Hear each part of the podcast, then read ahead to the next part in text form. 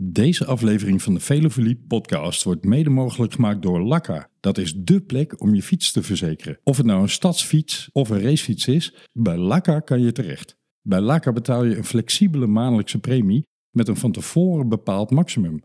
Het mooie van Lakka is dat je ook in het buitenland verzekerd bent. Ga je tijdens het mooie weer de bergen in het buitenland opzoeken? Dan kan je met een gerust hart op pad, omdat Lakka's dekking geen grenzen kent. Surf dus als de brandweer naar lakka.co zonder m slash nl. Dat is l-a-k-a.co slash nl en verzeker je fiets. Door naar de show. Buongiorno Giro. Ik ben Peter Winnen en je luistert naar de Velofolie podcast.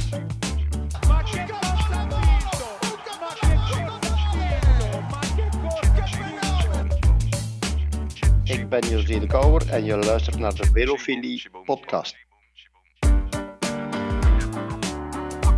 De Velofilie podcast. Vieni via di qui. Niente più ti lega a questi luoghi, neanche questi fiori azzurri. Buongiorno a tutti tifosi del Giro d'Italia. Goedemorgen, middag en avond, beste wielenvrienden en vriendinnen. Welkom bij weer een nieuwe aflevering van de Velofilie podcast. Uit België, groet José de Kouwer. Koers, beste wielervrienden en vriendinnen, is als het leven zelf.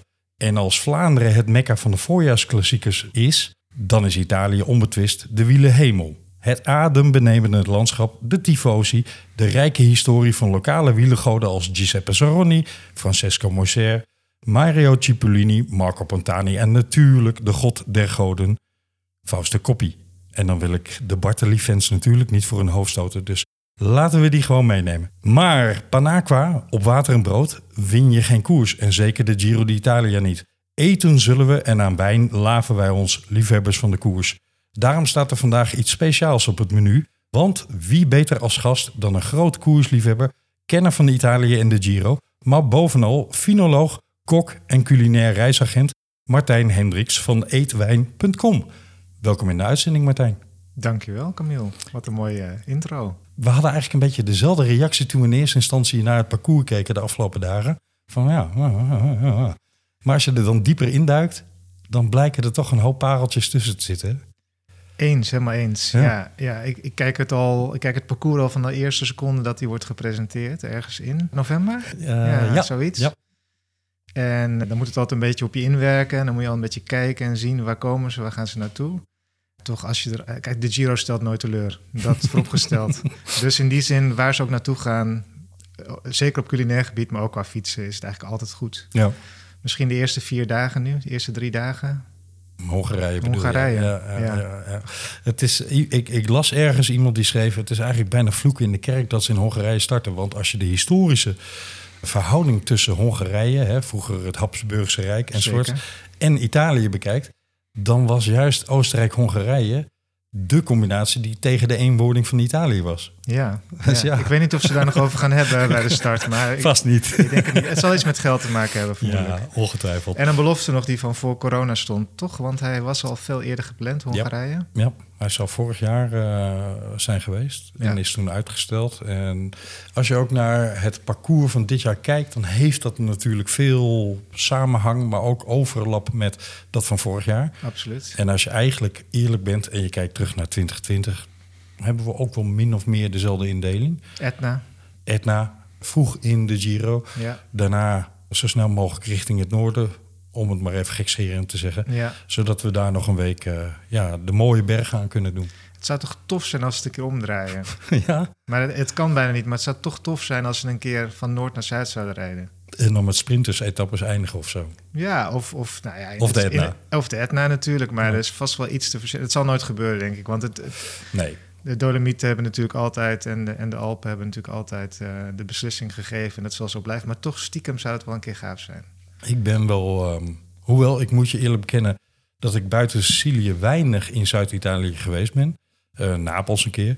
Maar ik ben wel gecharmeerd van het eten en het drinken uit Zuid-Italië. Eh, volgens mij heb jij daar ook wel het een en Mooi ander eh, bruggetje. mee, hè? Mooi Ja. bruggetje. ja. Nee, ja, kijk, naar Hongarije eh, vliegen ze naar, eh, naar Sicilië. En daar zal de Giro dus echt beginnen. Want zo is het natuurlijk wel. Waar ze ook starten in, in Europa. Uiteindelijk starten ze pas in Italië. Ja.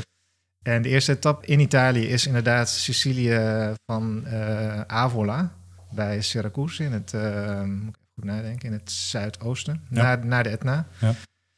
Ja, koerstechnisch heeft dat tot nu toe steeds niet zo heel veel opgeleverd, de Etna. Het ligt een beetje te vroeg. Iedereen is nog een beetje, zit nog een beetje in zijn hok. Ja. Maar ja, qua keuken is het, is het wel... Ik zal niet Geniet zeggen het al. summum, maar een beetje wel het summum. Ja, Sicilië is wel heel erg eh, spannend qua, qua eten en drinken. Ja. Ja, daar kun je eigenlijk al een, een, een podcast over vullen. Ik begon eh, in de app naar jou over eh, de beroemde vissoep van Sicilië. Ja, Hoewel van Zuid-Italië, moet je Ja. eigenlijk zeggen. Want die kun je ook wel in de Abruzzen eh, krijgen, volgens mij. ja. Maar is dat een gerecht waar jou ook meteen aan dacht? Of zeg jij, nou nee, nee, nee, nee, eigenlijk niet. Daar was ik al bang voor. Nee, waar, waar ik naar, waar ik, wat, ik, wat ik meestal doe als de etappes bekend worden, is dat ik naar de start- en finishplaats kijk en me daar een beetje door laat inspireren. Nou, als je Avola ziet, dan, eh, dan denk je meteen aan wijn op Sicilië, want de druif, de rode druif van Sicilië is de Nero d'Avola. Ja. En die, komt, die, heeft, eh, die is vernoemd naar Avola, dus dat was meteen wat me opviel. Ja. Ja, als ik aan die regio daar denk, dan denk ik aan, eh, toch aan, aan pasta's. Ik denk aan kruiden. Ik- De Siciliaanse keuken is heel erg beïnvloed door, door de geschiedenis. Ja. Dus in, in tegenstelling tot heel veel andere regio's vind je veel specerijen, vind je veel kruiden, vind je ja, toch, toch allerlei in- ingrediënten die je in andere regio's niet tegenkomt. Nee. En een vissoep, met alle respect, eh, vind, je, vind je in heel wat... eh, ik denk dan aan de Marco bijvoorbeeld, waar je echt de typische vissoep uit San Benedetto bijvoorbeeld hebt. Maar jullie dat- horen het al, luisteraars. Ik zit hier als, eh, als eh, nou, eh, pretenderend iets van voedsel en wijn te weten. Maar ik zit hier met een kenner. Dus eh, Hmm. dit zal wel vaker in deze uitzending gaan gebeuren. Dat ik denk iets voor te geven. En dat partij zegt, nou ja, Ik kop hem niet in. doe maar niet. dus heerlijk. Ga zo door.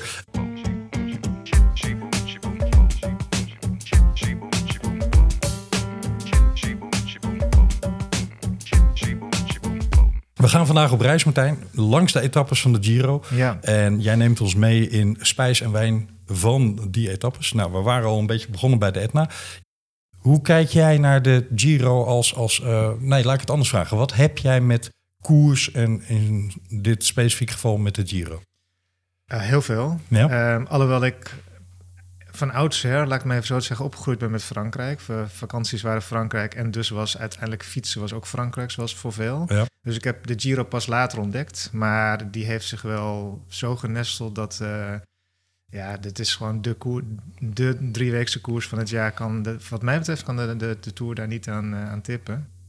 Dus ik kijk daar gigantisch naar uit altijd. Ik kijk ook uit naar wat ik net vertelde al naar de parcourspresentatie. Om te kijken van waar gaan ze naartoe. En voor mij is dan ook meteen de link en de knip van... hey, wat gaan ze eten? Dat is eigenlijk een beetje wat ik denk. Dus waar gaan ze naartoe? En dan heb ik zelfs het beeld dat die renners ook door die regio's reizen... en dan overal het lokale eten aangeboden krijgen... wat natuurlijk verre van waar is, weet Was ik. dat maar zo? Ja, was Ja. dat maar zo.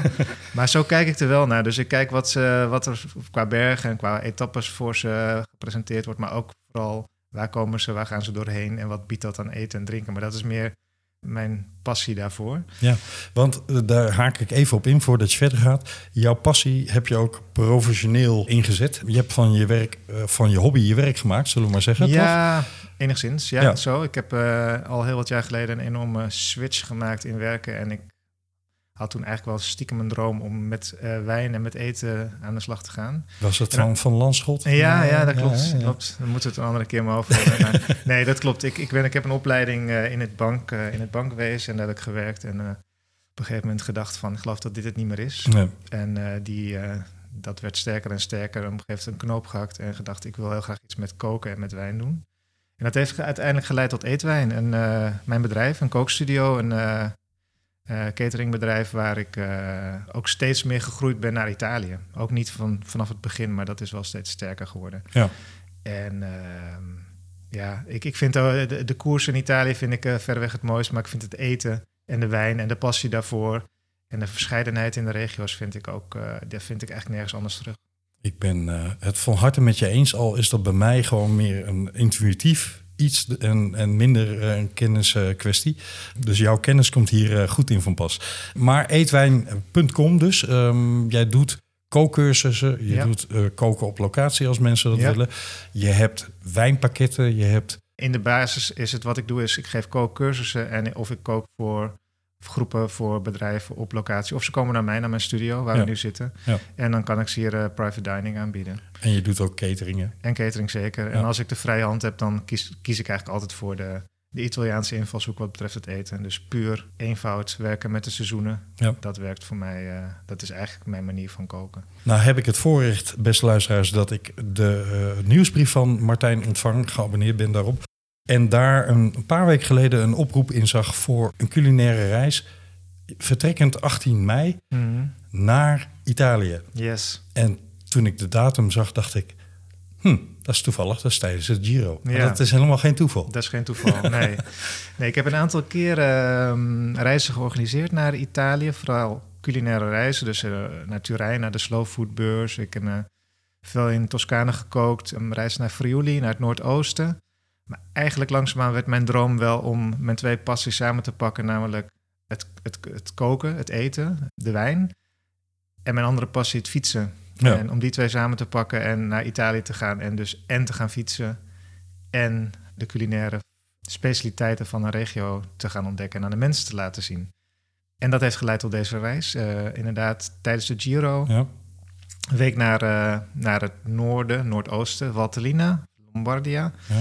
En daar niet elke dag, maar vaak te gaan fietsen met een groep en ook lekker te gaan eten, naar wijnproducenten te gaan, naar een kaasboer, eh, noem maar op. Dus dat eh, is een soort droom die werkelijkheid wordt. Ja. Dat durf ik wel te zeggen.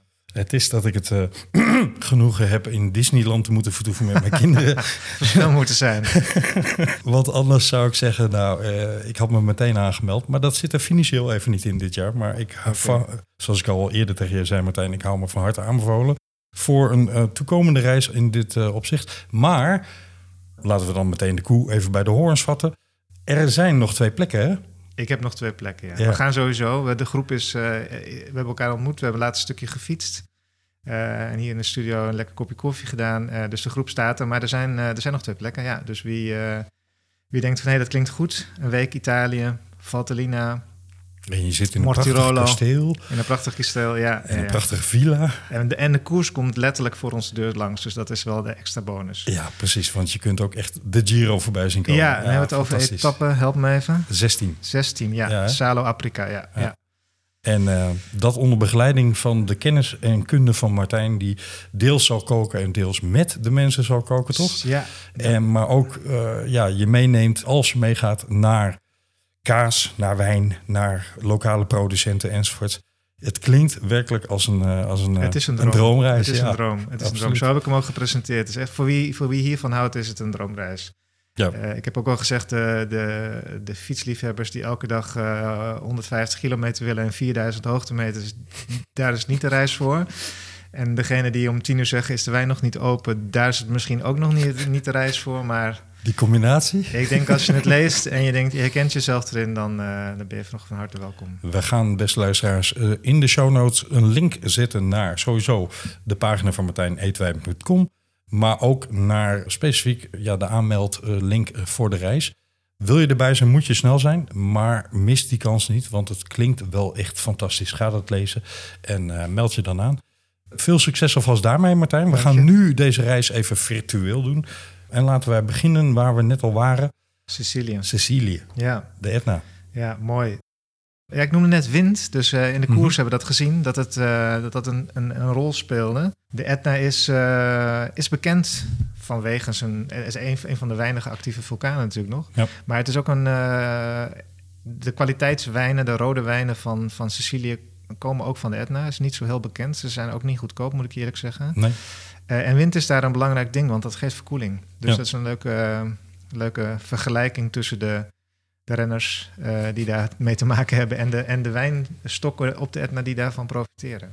Ja, de Nero d'Avola is, is een van de bekendere wijnen natuurlijk, naast de zoete wijn hè, van eh Sicilië. Ja, de Nero d'Avola is de rode druif van Sicilië. Alleen op de Etna staat hij niet zoveel. Dus de, die zit meer in de, de kant van eh, Marsala en eh, Trapani. Dus echt de punt in daar. Ja. En dit wijngebied rond de Etna is, heeft een andere, ander type druiven. De Nerello Mascalese.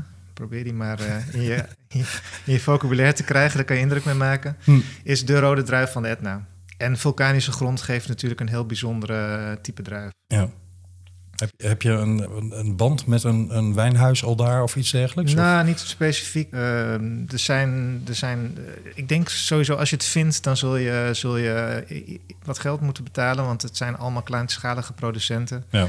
Eh, en die ook al in- echt inzetten op, op kwaliteit. En hebben we het dan over ehm, pak een beetje een 100, 120 euro voor een flesje? Nee, dat is niet nodig. Dat Nee? is niet nodig. Nee, nee. Ik denk dat je met, eh, met, een, met, een, met, met een paar tientjes ook al een mooie wijn kan vinden. Oké, ja. Maar verwacht geen massaproductie. Terwijl Sicilië van oudsher is een, is, is een van de twee wijnschuren van, eh, van Italië, samen Absoluut. met Puglia. Ja.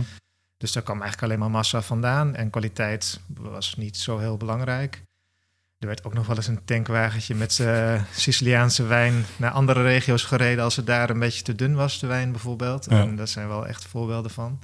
En maar er wordt veel voor eh, naar alcohol eh, omgezet. Hè? Dat ook, ja. Er, is gewoon, het is, er, er staat gewoon heel veel wijn. Want Sicilië, heb ik wel eens gelezen, zou het een los land zijn. Zou de zevende wijnproducerende, het zevende wijnproducerende land ter wereld zijn.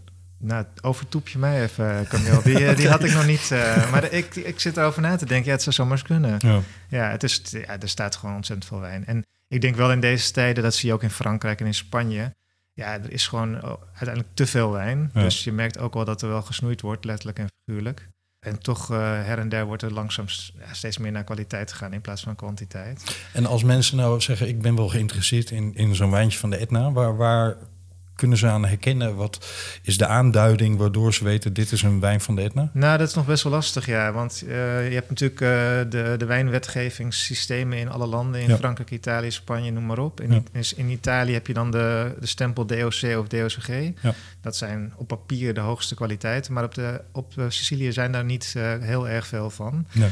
Maar de naam Etna zullen ze zeker vernoemen. En dat geeft ook wel al een soort van kwaliteitsstempel... zonder dat het misschien op papier staat. Want de DOCG's, ik, we hadden het er in de, in de aanloop even over... ik geloof dat er maar eentje is op Sicilië. Ja. En als je dat met een regio als Toscane of Piemonte vergelijkt, is dat heel erg weinig. Ja. Hoe komt dat? Eh, Het is en blijft Italië. het is en blijft Italië. Geld zal een eh, rol spelen. Zie. Ja, ja moet maar te chargeren als je in Milaan vraagt waar, eh, waar Zuid-Italië begint. Dan zeggen ze als je de ring, eh, de ring Zuid af bent. met andere woorden, de belangen liggen, ja, die liggen wel Ja, wat scheef soms. het is wat dat betreft eh, altijd grappig om te zien. Waar we het net in de verhouding over waar ligt het zwaartepunt van de Giro. Nou, in het noorden. Ja, Dat is historisch gezien met Ja. het land precies zo. Ja. Dus dat zie je hier ook weer terug. Wijn van de Etna heeft dus iets met de Etna in de naam. Daar kun je het makkelijk aan herkennen. ja, ja. Hoe zit dat met eten? Sicilië is heel divers. Is, eh, is, is, is wat ik eerder zei, is spannend. eh, is heel erg puur. Het is natuurlijk het zuiden, dus je zult, eh, nou noem het, de aubergine is bijvoorbeeld ontzettend belangrijk. Maar vis wordt natuurlijk heel veel gebruikt. Sardines, anchovies, maar ook de specerijen. Je komt bijvoorbeeld koriander.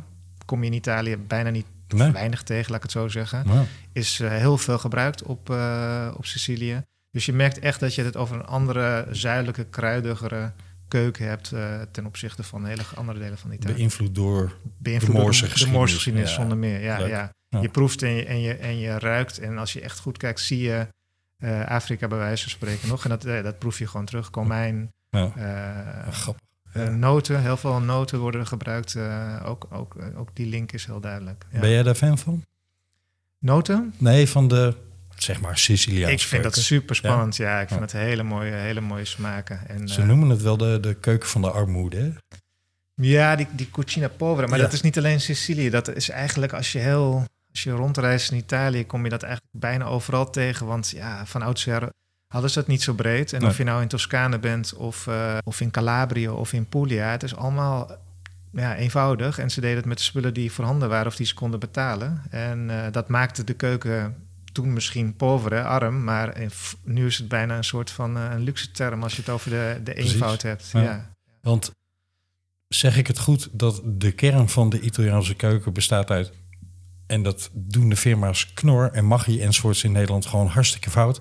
Het bestaat niet uit veel, het bestaat juist uit simpel, maar wel goed. Ja, De ingrediënten de- moeten top De zijn. keuken van, of de, de, de, de- ja, de keukens van de eenvoud. Ja. Less is more. Ja, ik Ja. weet niet precies wat je linkt met knor en... eh, Nou, eh, als je zeg maar macaroni maakt met zo'n zo'n min of meer kant-en-klaar pakket wat je in de supermarkt kan vinden. dat doe jij niet, toch? Ja, nee. ehm, eh, nu niet meer, Martijn. ik durf niet meer, nu je me zo aankijkt. Nee, natuurlijk heb ik dat wel eens gedaan. Eh, zeker als je drie kinderen in huis hebt. Dan, eh, dan loopt de klok wel eens tegen je. Maar ik moet bekennen, ja, het slaat eigenlijk nergens op. Want het, het heeft werkelijk niks meer met het idee van de keuken te maken. Want die is juist, doe er minder Dus in. laat, laten we, dat, laten we dat, dat onderwerp op die manier afsluiten. Precies. Nee, ik denk ook als je tegen de klok kookt, dus juist de Italiaanse keuken is, is, eh, leent zich fantastisch. Want je hebt niet van nodig. Alleen hetgene wat je gebruikt moet goed zijn, want anders dan hou je niets over. Nee. Als je goede pasta hebt en je hebt, eh, nou, noem eens wat, goede tomaat en je hebt eh, een, een bol eh, mozzarella, dan ben Kom je, al ben klaar. Ja, ja. ja. Dus, en het leuke is dus dat iedere regio die heeft dat in zich. Dus iedere, en, en als je nog verder gaat inzoomen, binnen de provincie of binnen de regio ga je weer naar een, een dorp toe en soms nog een wijk in, of soms naar een straat. En eh, ja, die, die, die, die verschillen en die essentie vind ik ontzettend mooi in Italië. We hebben het dus eigenlijk over eh less is more, hou het simpel, maar Ja. met goede ingrediënten. En Ja. tegelijkertijd is dat dan ook weer typisch Italiaans. Om volledig in tegenstelling tot de, eh, wat we net benoemen te zeggen. Maar we hebben wel ongeveer 250 soorten pasta. En oh wee, als je net de Ja. verkeerde soort gebruikt, toch? ja, ja. Zo- en als je denkt dat je het door hebt, dan word je toch wel weer een keer eh, terecht geweest. hè? Ja, dat is Italië in een Dat is. Italië noodlop. Ja, En ze weten het allemaal het beste en dat is ook heel, prima. En daar, Mooi, daar luister ik ook altijd heel graag naar. Ja.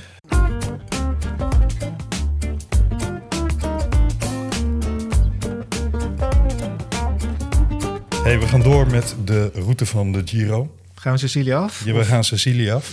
Ze, gaan, eh, ze fietsen naar Messina, hè, dacht ik. Ja. Altijd goed nieuws. Tot nu toe geen berichten dat hij geblesseerd is of iets. Ben jij fan van eh Lo Squalo de Messina? Zeker. Ja? Nibali, ja, zeker. Ja, Hoe kan dat na 2016? ja oké. maar ik, ik- nee, ja, ik denk meer... Snap je wel hoor. Ik denk meer aan zijn stijl van, van koersen en van, Ja. van rijden. En eh, het, is gewoon een, het is gewoon een hele mooie Italiaan. Het is een mooie Italiaan. Ja, ik denk dan aan zijn, zijn aanvallen in, in Milaanse Remo bijvoorbeeld. Ja, dat, is, dat is, zijn toch ongekende eh, mooie eh, prestaties. Ja, ja. Dus ik heb hem er altijd graag bij eh Vincenzo. Er komt binnenkort, beste luisteraars, een uitzending van onze serie De mooiste grote ronde ooit. En dat zullen de rondes van Jeroen zijn. En ja, Jeroen is een Nibali-fan. Dus daar komt de Giro van 2000, eh, nee, de Tour van 2014, excuus, komt daar uitgebreid aan de orde. En hebben we het ook uitgebreid over Nibali. Ik heb een soort haatliefde met die man. Ik vind hem Ja, fantastisch als ik. coureur.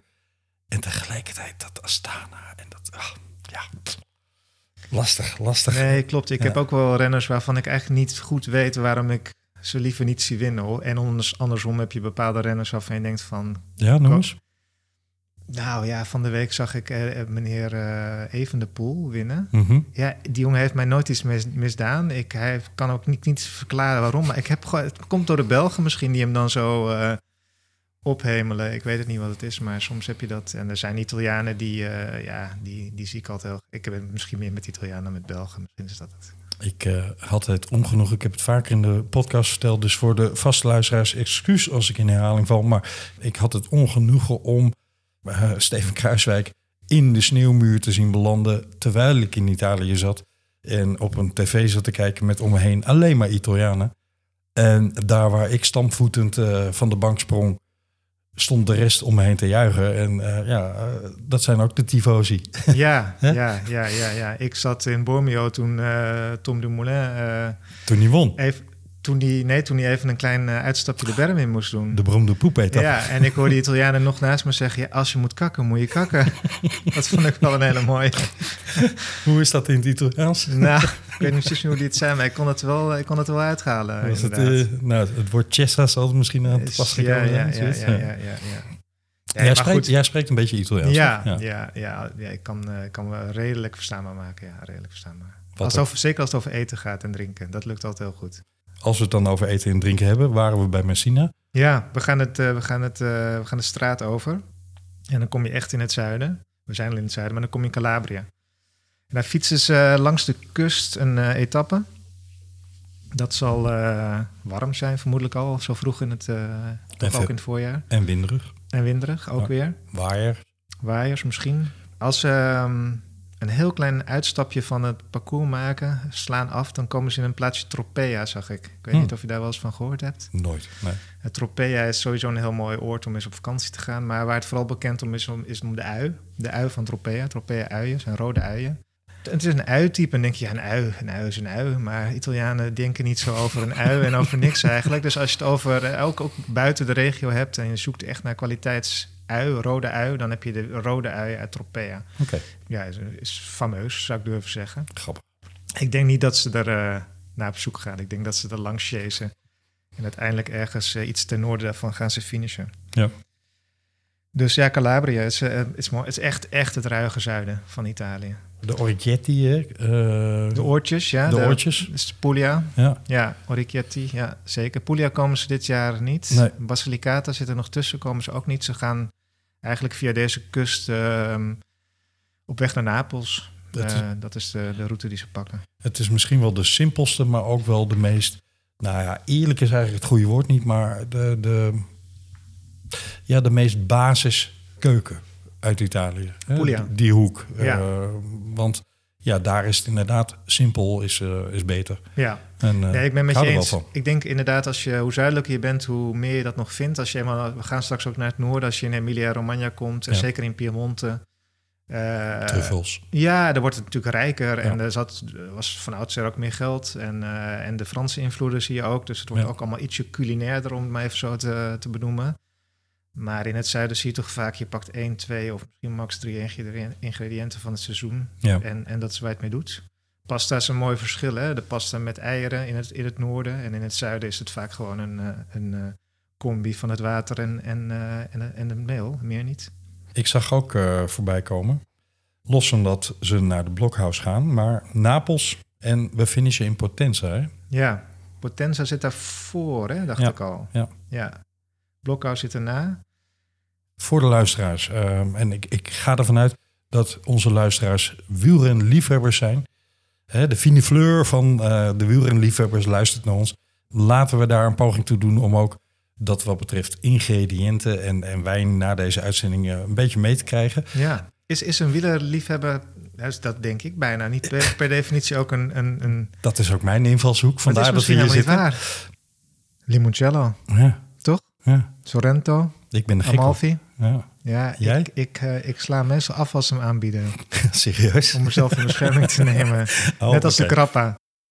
Nou, Krappa vind ik ook heel gevaarlijk spul, ja. Limoncello heb ik wel een mooie anekdote over. Eh, je hebt in Amsterdam een beroemd Italiaans restaurant, althans beroemd in Amsterdam. Dat heet Koevoet. Ja, typisch eh, Italiaanse naam. En het is ook meer een bruine kroeg om te zien dan, dan dat het een Italiaans restaurant is. Maar het is zeker de moeite waard. Ja. Ik heb daar ooit van de eigenaar een tik tegen mijn achterhoofd gehad... toen ik voor de achtste keer na het eten een eh, limoncello bestelde. En eh, hij voegde daar eh, simpelweg één woord aan toe. Basta. Basta. Klaar. Wegwezen. Klaar ermee, is stomme, geweest. stomme toerist. Ja, Want- het, is, het is gevaarlijk spul. ja, en je hoort er geen achter drinken na de maaltijd. Nee, nee. Ik bestelde in, in een restaurant een keer een espresso na het eten in, in de buurt van Amalfi. En tot mijn verbazing kreeg ik geen koffie, maar kreeg ik gewoon een limoncello voorgezet. En hij keek mij aan en zei, ja, de koffie, de espresso-apparaat is lang schoon. Eh, dit is ook goed, neem dit maar. Ja, ja. dat eh, is ook heel Italiaans. Ik eh, heb ooit een, ehm, nou, met een voor jou niet onbekende, Tim Schrijver, een studiegenoot, een reis naar Italië gemaakt. En dat hadden we om een of andere reden per trein bedacht. Vraag ons niet waarom, maar dat vonden we leuk. Dus we gingen per trein uit Amsterdam. En we kwamen ongeveer 18 uur later in Toscane aan. Ik weet nog dat het Cecina Mare was. Ook niet echt Ja, de plek waar je moet zijn wat dat betreft. Maar ehm, we kwamen daar aan en het eerste wat de eigenaar zei... willen jullie een biertje, jongens? Nou hadden we er al een stuk of 50 tijdens de reis op. En dus ook geen slaap 's nachts. En hij kwam met de keuze Piccolo, Medio o Grande. En wij dachten, doe maar Grande. Want we zijn wel eh, wat gewend als, eh, als studenten. Maar die Grande was gewoon een laars. En eh, die tikte er aardig in na 18 uur op geweest te zijn. En toen kregen we als afsluiting, en dat was mijn kennismaking, kregen we een limoncellootje zelf gemaakt. Toen dacht je, dat Ja. smaakt naar meer. Nou, het woord slaapmutsje is mij sindsdien wel duidelijk. Ja, Ja, ja, ja, ja, ja. Ja, absoluut. Maar eh, ik ben er gek op. Laka is een nieuwe, slimme manier om je fiets en accessoires te verzekeren. Een collectief van fietsers die goed voor elkaar en elkaars fiets zorgen. Laka dekt alle essentiële zaken zoals diefstal en schade in binnen- en buitenland zonder afschrijvingen of eigen risico. Een thuisbrengservice wanneer je strandt in the middle of nowhere en dekking tijdens sportwedstrijden en evenementen, zolang je tenminste niet in een profpeloton rondrijdt. Bij Laka betaal je geen vaste premie, maar worden alle schadeclaims maandelijks verdeeld onder alle fietsers met een van tevoren bepaald maximum aan bijdrage. Hierdoor varieert je premie en betaal je nooit te veel. Zijn er in de maand geen claims, dan betaal jij en de rest van het collectief helemaal niets. En dat is wel zo eerlijk. Laka is 100% flexibel en dat betekent je hebt geen vast contract of je kunt je verzekering pauzeren wanneer je bijvoorbeeld een blessure hebt of in de winter überhaupt niet op de fiets zit. En schade, dan wordt dat meestal binnen één dag afgehandeld. Of je nou een e-bike, een gravelbike of een racefiets hebt, Laka's leden besparen elke dag op een fietsverzekering en dat is geld dat besteed kan worden aan andere dingen, zoals spullen voor je fiets. Krijg nu twee maanden gratis Laka fietsverzekering met de code VELO22. Ga naar laka.co, L-A-K-A.co en verzeker je fiets. Ja, Napels. Kan je ook een, kan je ook een avond over... eh over een hele aparte podcast ja, doen, ja, ja, Ja. ja, ja. Het is een soort... eh, het, het is een eh, etappe die zich een beetje zo om en rond Napels vormt. Ja. Ja, Napels. Pizza denk je natuurlijk, hè? Nou, dat, alsof je mijn gedachten leest, dat wilde ik jou dus als gewetensvraag voorleggen. Men zegt, de pizza komt uit Napels. Althans, dat zeggen ze in Napels. ja. In de rest van Italië zeggen ze dat van harte niet. Nou, in Rome zeggen ze ook dat eh, Precies. de pizza uit, eh, uit Rome komt. Zijn, dat zijn, eh, ja, de, pi- de pizza, waar komt de pizza vandaan? Waar komt de pasta vandaan? Eh, Ja. Als ik in Italië ben, wil ik nog wel zeggen dat Marco Polo het gestolen heeft uit, eh, uit China. Dan eh, Om vrienden heb je ze altijd vrij snel op de kast. Maar ehm, nee, goed, er zijn gewoon verschillende stijlen. En Ja. iedereen is begonnen met, eh, met, met platte broden te bakken in, in houtskoolovens. En eh, wie er eerder was en eh, wat beter is, dat hou ik maar een beetje in het midden. Maar feit is dat ze de, de, fijne, de dunne pizza's van, van Napels zijn, zijn beroemd en, en heerlijk. Ja. En, ehm, En ze staan zich erop voor. Absoluut. ja, zeker. Ja. Ja, zeker. Ik ben het helemaal met je eens. Maar er is sowieso een misverstand over pizza. Althans, hoe wij het eten en hoe Italianen het eten, volgens mij. Hè? En wat ze erbij drinken ook trouwens. Ja, daar gaan we het zo over hebben. Maar ehm, wij eten het als hoofdgerecht. Ja, pizza. Je eet pizza, punt. Ja, Dat is, ja, het is, het is, het is, niet, eh, het is, niet, het is niet als onderdeel van een menu. Je eet Nee. gewoon pizza. ja, in Nederland hè. Ja, Maar hoe eten Italianen dat? Nou, die, hebben het, die nemen ook een slice bijvoorbeeld. Hè? Of een, een, een, een, een plaatpizza in, in Rome bijvoorbeeld. En, Ja. eh, is, is, een, eh, is gewoon een snack eigenlijk eh, tussendoor. Precies. En niet zoals wij een, een maaltijd vullende Nee. plakdeeg met heel veel lucht en heel veel ingrediënten. Nee, nee, nee. Ook daar geldt weer waar we het eerder over hadden. Less is more. Dus Precies. Hey, En wat, wat drinken we bij pizza? Die vond ik wel leuk toen je die zei. Dat, weet je het of niet? Eh, ja, omdat jij het noemde, maar daarvoor wist ik het ook Nou, in ieder geval geen wijn. Nee. Nee, bier, bier en pizza is in Italië de, de- is, is standaard. Ja. Dus eh, je moet er maar eens op letten als je in Italië bent. Tuurlijk zullen er ook wel, eh, zullen er ook wel overheen stappen, maar bij, bij pizza wordt bier. Punt. En dan specifiek een bier. Nee, het ligt aan welke regio je bent. Bier Moretti of, of een Peroni of een... Je ziet sowieso dat craft beer, hè, dus de kleine brouwerijen Ja. in Italië, die eh, net als in Nederland trouwens, die schieten als paddenstoel uit de grond. Dus je, je komt veel kleine brouwerijtjes overal tegen. Ja, en die leggen hun bier ook weer bij de pizzeria's neer. Dus dat... eh, maar ik zou het niet ingewikkeld maken. Geen ingewikkelde biertjes. Als ik zo... eh ehm Bier Moretti heeft volgens mij een hele lekkere witte. Ja. En die zie ik wel naast een pizza staan op een of andere manier. ja, maar de Italianen gaan denk ik niet over wijnspijs of zo nadenken bij pizza. Ze willen gewoon een glas bier ernaast punten. Ze gaan niet denken, oh, hier zit eh jeneverbes in of eh, Nee. weet ik veel wat. Nee, Nee, precies, gewoon... Heb jij een, een, een, eh, als je het over een van die kleine lokale brouwerijtjes hebt, heb je daar een naam waar mensen als een keer naar een leuke slijterij gaan of zo? Ik weet niet of dat zo makkelijk verkrijgbaar is in, in Nederland. Ik denk misschien wel echt een specialist die het zal hebben. Maar ik weet wel, als ik, waar ik ook ben in Italië en je gaat zoeken, dan vind je echt overal brouwerijen. En iedereen is, eh, ook met de reis waar ik nu mee bezig ben in Valtellina, heb ik er ook een aantal gevonden. Ja. Maar om, daar zul je in Nederland niet over struikelen over die namen, denk ik. Dan vind je toch de Hollandse brouwerij. Importeer jij iets? Of... Bier? Ja? Nee, Nee. nee. Nee, je zit echt in de wijn, hè? Ik zit in de wijn. Ja.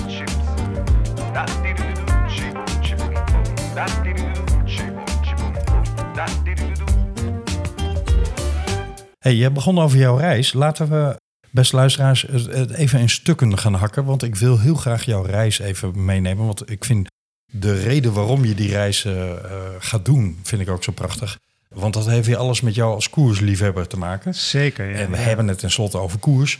Weliswaar gaat de koers door de maag, denk ik altijd. Maar Ja. eh, hè, zo hoort het te zijn, vind ik. Dus we gaan ehm, twee afleveringen doen. Eens. Eens? We gaan onze reis langs het parcours vervolgen in aflevering 2. En we gaan nu eventjes naar jouw specifieke daadwerkelijke reis. Ja. En de aanleiding daarvoor is eigenlijk jouw pure liefhebber zijn van de koers en de Ja, Giro. ja, en, en die ja. deelde je met je vader, hè? Die passie. Zeker, ja. Ik, eh, mijn vader eh, was echt een, een Frankrijkganger. Tour de France, Zoals alle Nederlanders. zoals alle Nederlanders, ja, ja. En helemaal niets met Italië.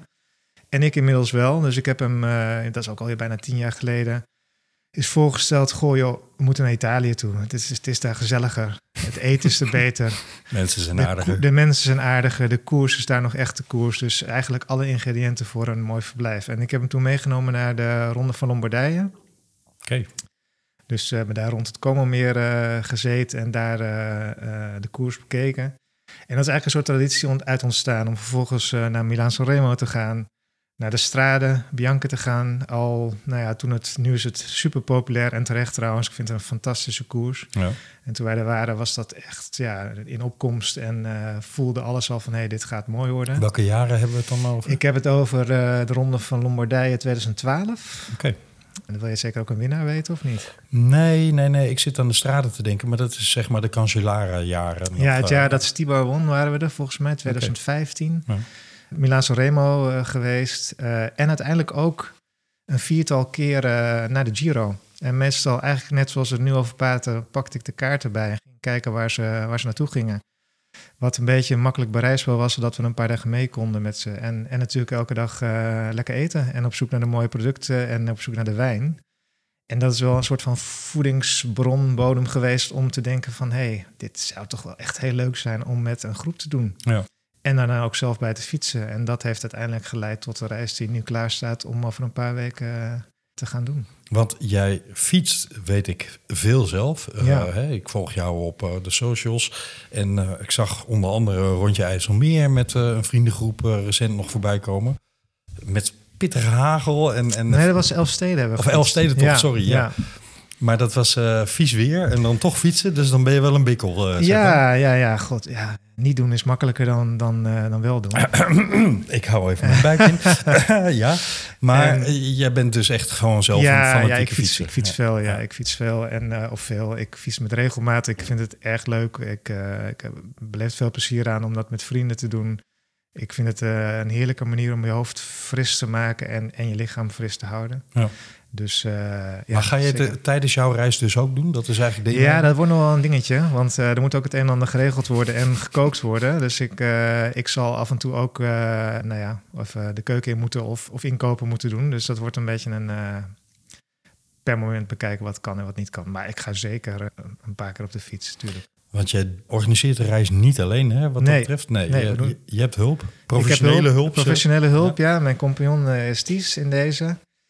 Die ik weer ken van een eh, fietsschool hier op de hoek waar ik al heel veel jaren train. Ook binnen. Hij is een van de trainers daar. En eh, ja, wij raakten ook eens zo aan de praat over eten in Italië en fietsen. En eh, hij is fietst veel in Italië en ik, eh, ik, ik ken het, het eten en de, en, de, en de wijn. Dus we waren erover aan het praten en de volgende dag stuurden we elkaar een appje van... volgens mij moeten wij samen iets gaan doen. En dat is eigenlijk gebeurd, deze reis. Dat is de reden waarom ik deze podcast maak. Gewoon passie voor die sport en voor... nou, Ja. en, en jij Ja. bent uit passie samen met Ties dan deze reis gaan eh, organiseren. Ja, Want het gaat, hè, het gaat over lekker eten. Het gaat over mooie koers. Het gaat over prachtige locaties. Want ik heb de foto's gezien, luisteraars. Nou ja, je, zit, locaties zijn top. ja, je zit ook in de Villa van de Wolf, hè, als ik het goed vertaal. ja, onze villa heet eh, Villa della Lupa. Ja, Oh, Lupo, sorry moet ik zeggen. Ja. En eh, de Wolfpack is misschien ook een leuke, leuke bruggetje. Ja. Maar in ieder geval, ja, we hebben onze groep maar de Gruppo Lupo genoemd om die reden. Om- Puur omdat de villa waar we slapen zo heet. Leuk. Dus, eh, en we zitten, ja, we zitten in, in de Valtellina Vallei.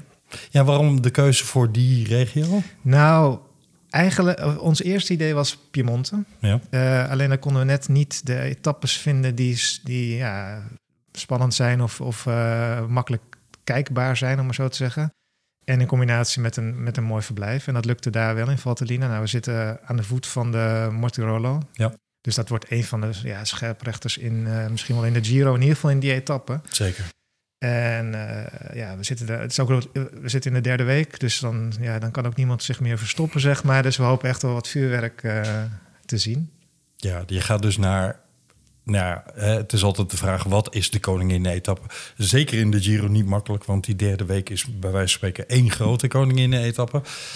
Met hier en daar, eh, want dat doen ze dan ook altijd. Hè? Etappe 19 of zo is altijd een sprinters-etappe. Gewoon voor de leuk.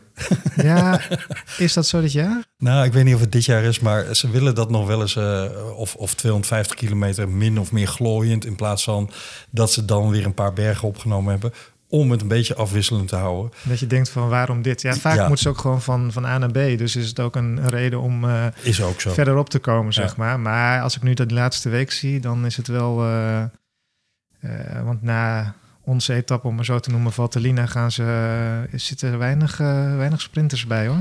Ze gaan nog naar Friuli, dat is ook pittig. Ja, ze hebben De nog Dolomieten. naar Castelmonte. Hè? Dat is meer een heuveletappe Ja, dan, eh, ja, dan, ja. dan echt een bergetappe. Ehm, maar los van het snobisme wat wij allebei een beetje delen over dat de Giro de mooiste ronde is. Hè, eh, nou, daar kunnen we discussies van, eh, denk nog een paar weken over voeren met anderen die de Vuelta en de, en de Tour veel mooier vinden.